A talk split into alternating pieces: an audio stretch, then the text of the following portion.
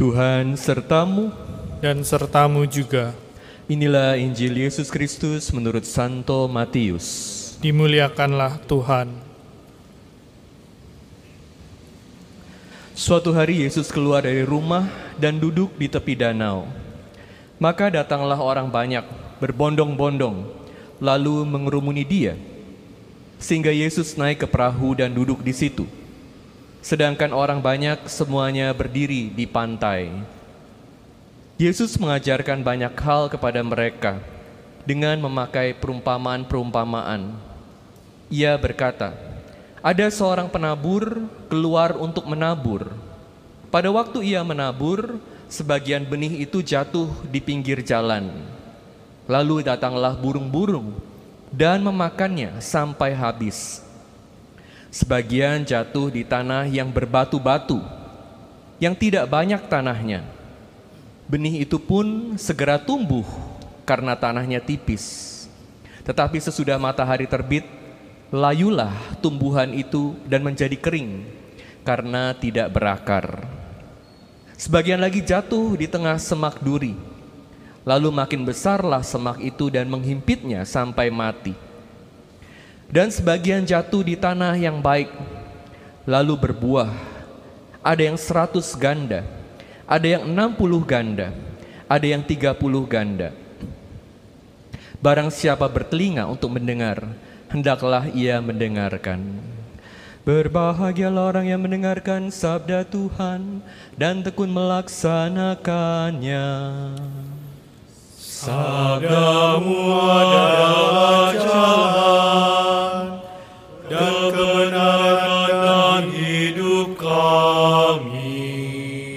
Demikianlah Injil Tuhan. Terpujilah Kristus. Sedangkan yang ditabur di tanah yang baik ialah orang yang mendengarkan firman, mengerti, dan karena itu berbuah. Ada yang seratus, ada yang enam puluh, dan ada yang tiga puluh kali lipat. Saudara-saudari sekalian terkasih dalam Kristus, dalam Injil hari ini kita mendengar satu perumpamaan dari Yesus mengenai seorang penabur saya mau mengajak Anda sekalian untuk merenungkan bagaimana kita sebagai manusia bisa bekerja sama dengan Sang Penabur. Sang Penabur tentu adalah Kristus sendiri yang menaburkan sabdanya. Kedua, saya mau mengajak Anda melihat bagaimana kita menerima sabda Tuhan itu.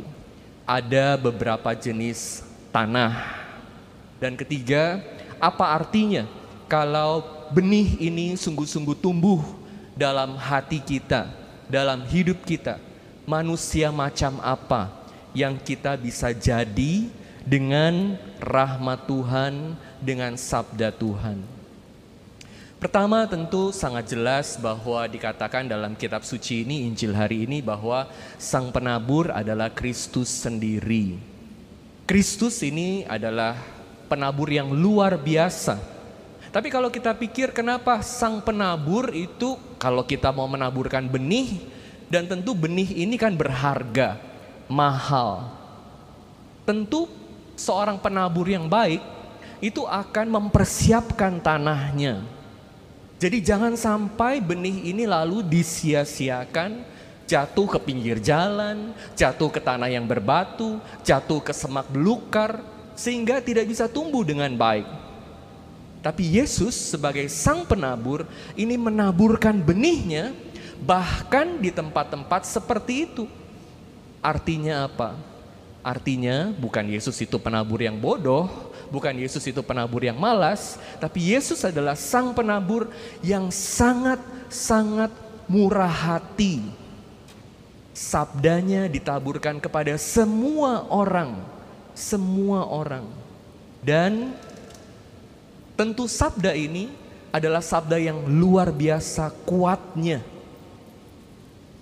Makanya kalau orang hidup dalam sabda Tuhan dan Yesus sendiri adalah sabda yang menjadi manusia, sabda ini bukan sekedar kepintaran manusia belaka.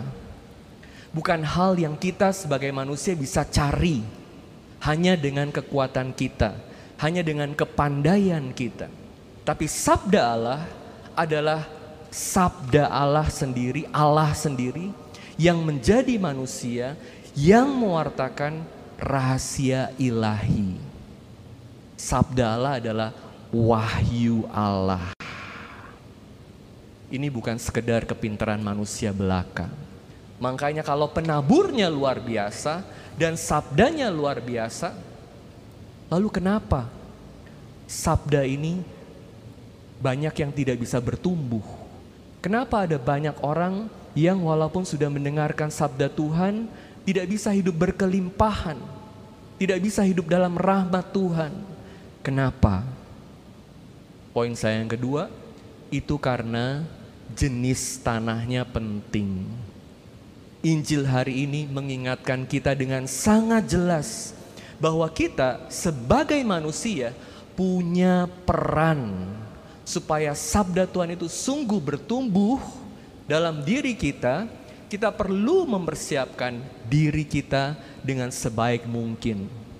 Tanah ini bagian kita untuk mengolahnya. Karena kalau kita tidak mengolah, bagaimana benih ini bisa bertumbuh?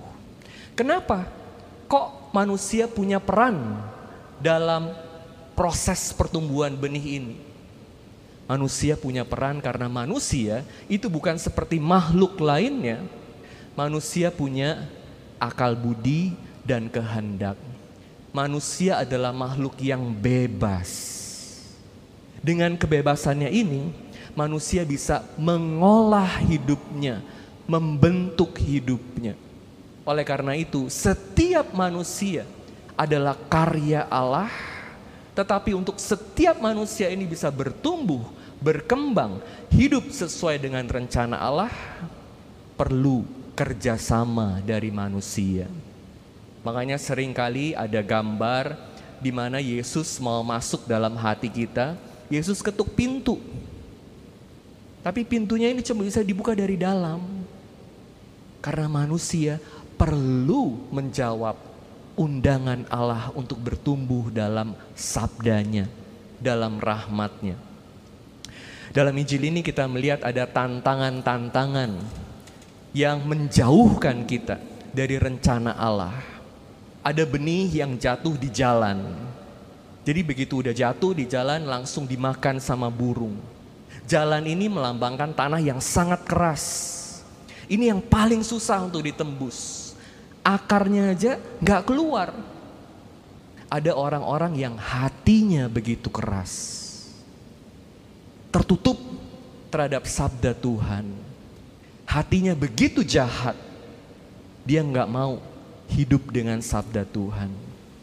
Tuhan tidak menciptakan orang dengan hati yang jahat.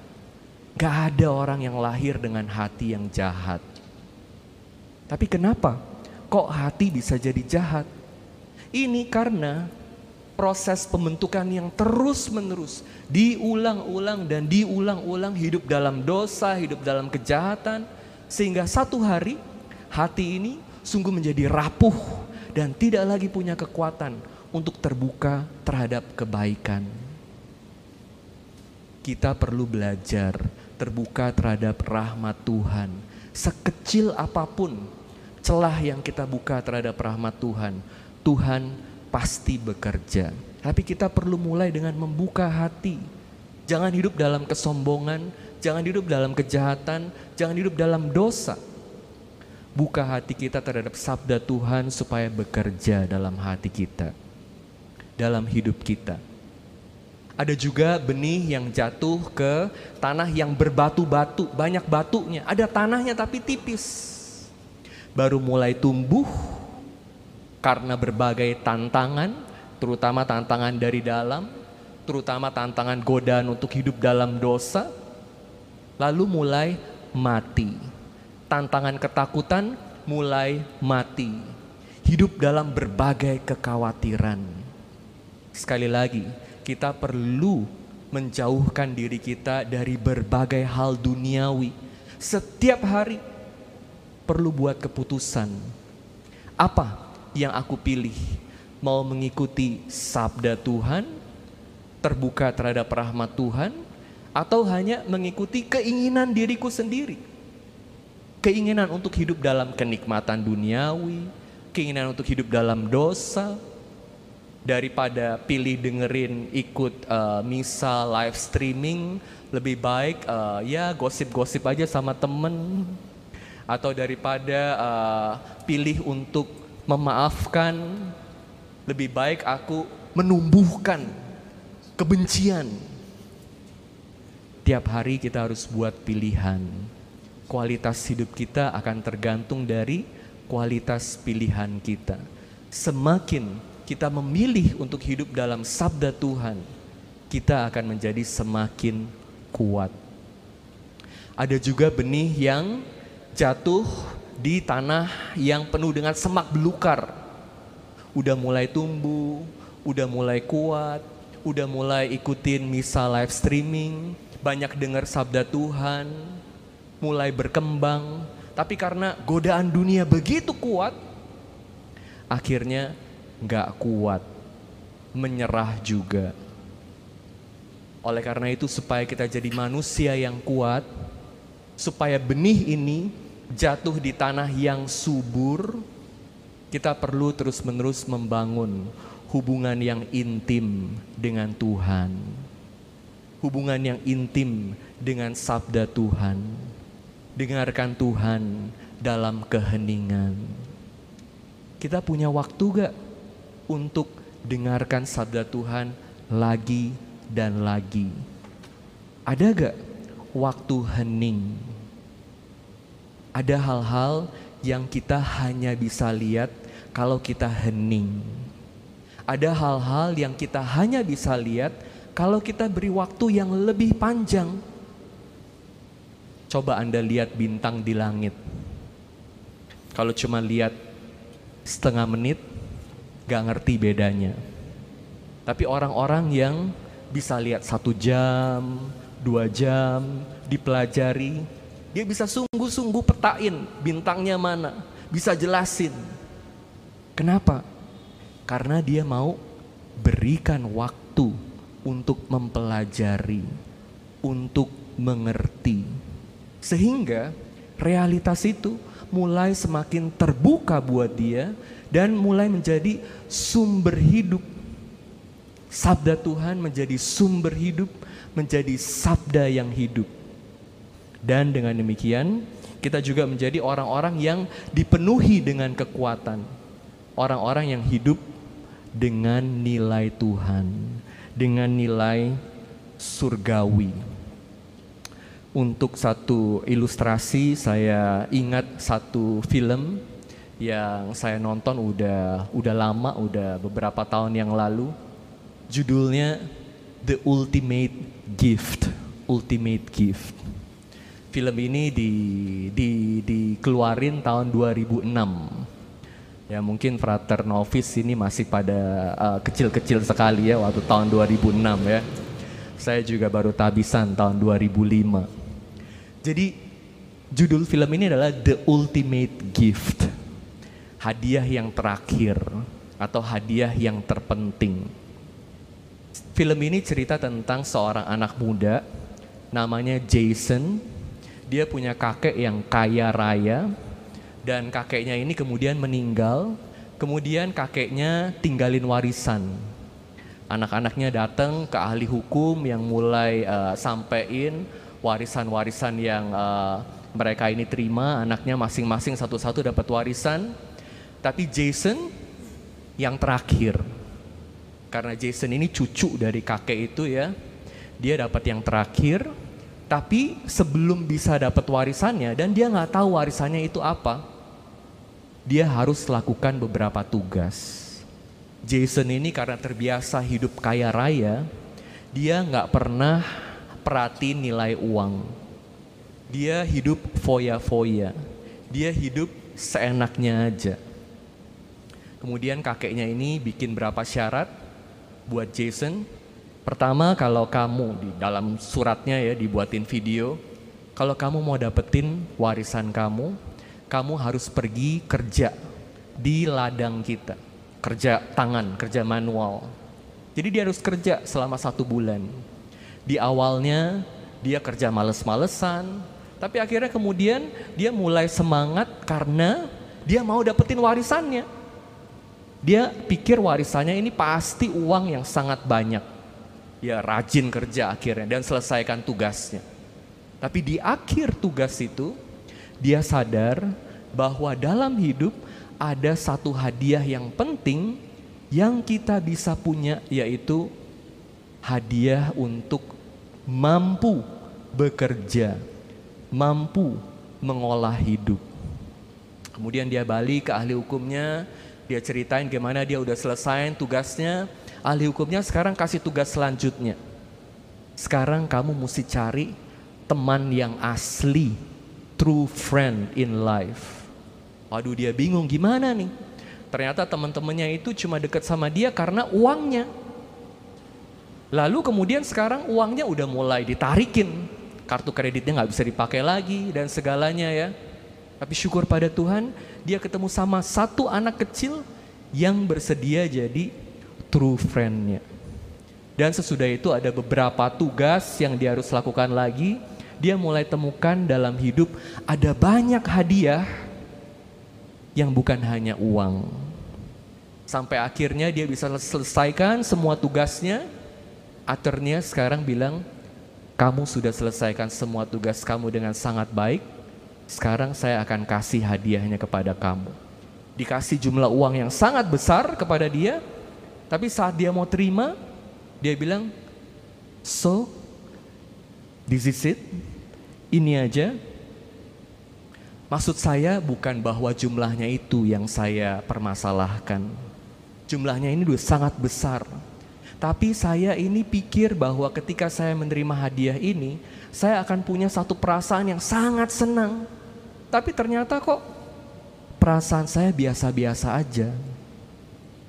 Lalu di kantor ahli hukum itu ada satu asisten yang bilang, "Kamu merasakan itu karena sekarang kamu adalah manusia yang baru.